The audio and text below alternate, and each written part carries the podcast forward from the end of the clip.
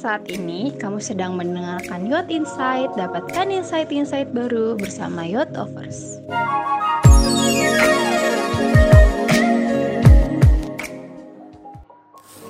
Halo semua, apa kabar? Wah, glad to having me in here.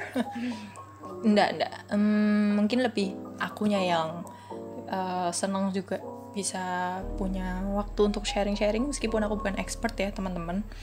Di sini posisinya uh, aku hanya mahasiswi biasa yang beberapa kali memulai bisnis, either it's small or medium enterprises.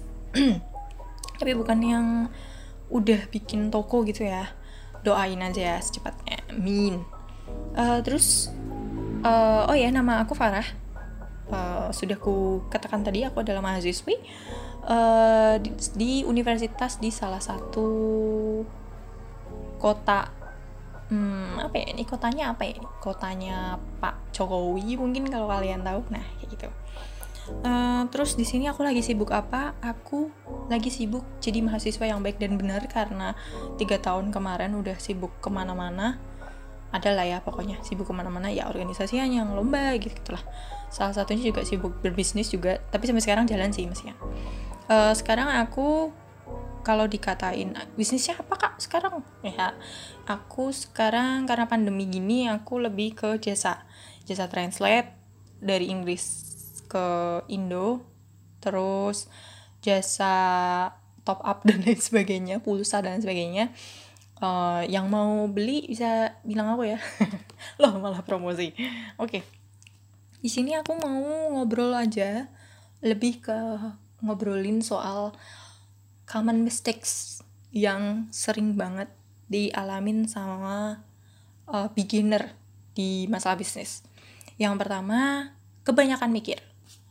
Hmm, jadi kebanyakan mikir itu sebenarnya bagus for some points, for some moments tapi kalau misalnya kamu mau baru mau mulai tapi kamu banyak banget mikirnya itu itu susah sih. Itu gak bakal kelar urusan. Sebenarnya gini kamu banyak mikir itu nggak apa-apa. Tapi ketika udah jalan. Nah pas pas jalan nih kamu baru nih oh oh kemarin uh, aku coba beli di sini kulaan di sini ngesuplai barang di sini di toko A itu tuh harganya segini. Sekarang aku suruh ya ke toko B atau ke toko C. Nah kayak gitu. Jangan yang kayak uh, oke okay, kamu survei dulu gak apa-apa nih. Sebenarnya kamu survei dulu gak apa-apa. Tapi kak setelah kamu survei lama-lama kamu mikir gini aduh kok di toko A toko B ini mahal ya? Aduh apa terus aku duitnya dari mana ya? Wah itu caur sih kamu gak kelar-kelar.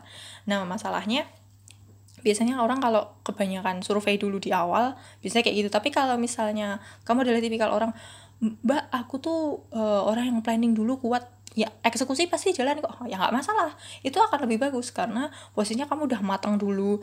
Uh, persiapannya harga juga udah mateng, modal udah mateng, terus mindsetmu juga udah matang dulu ya, jangan lupa itu. Terus operationalization udah prepare, udah siap, udah ready, tinggal take off, monggo kayak gitu. Tapi kalau kamu tipikal orang yang ada kebanyakan kebanyakan mikir tapi eksekusinya nol aduh skip lah yang masalah planning itu.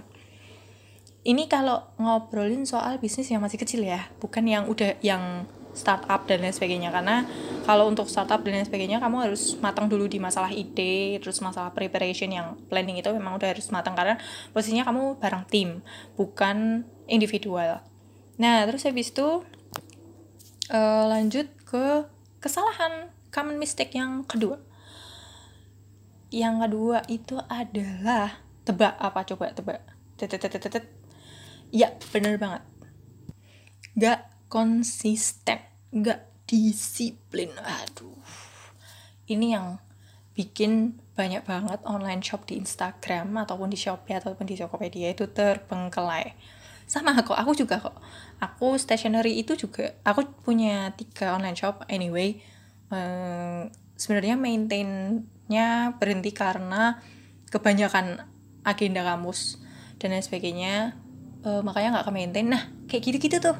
Masalah yang nggak konsisten nggak disiplin manajemen waktunya hancur. Lah itu tuh bikin bisnismu pertama stuck yang kedua yang nggak akan expand nggak akan jalan juga gitu.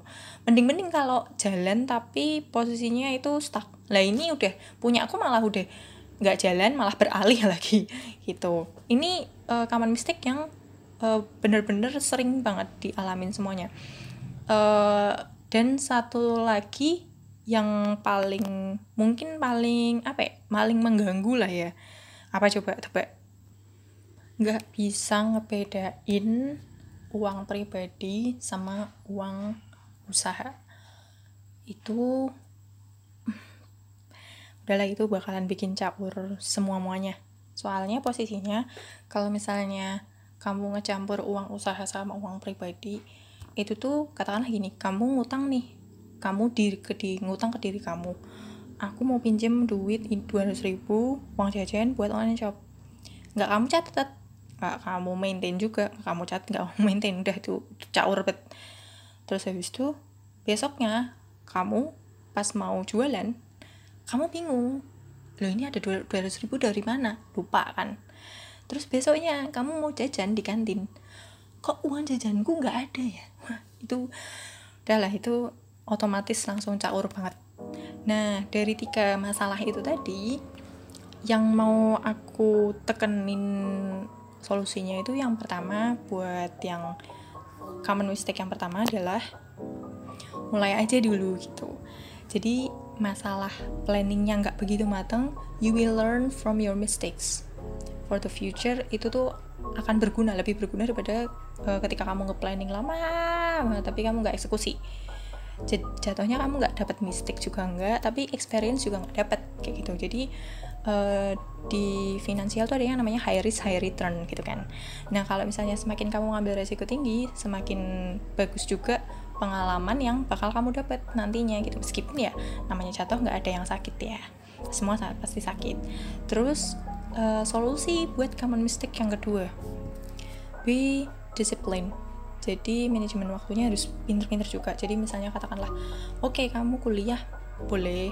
Organisasiin boleh lomba juga boleh. Tapi juga dilihat dulu bisnisnya uh, memang perlu off atau tetap bisa jalan. Karena uh, bisnis yang katakanlah udah jalan terus off dulu terus nanti jalan lagi tuh ngegasnya susah banget. Kayak motor itu loh susah banget ini ngegasnya. Jadi ini kayak motor manual gitu bentukannya nah jadi kalau bisa bener-bener lihat uh, opportunity buat off itu kalau bisa janganlah diusahain dulu untuk jalan terus gitu.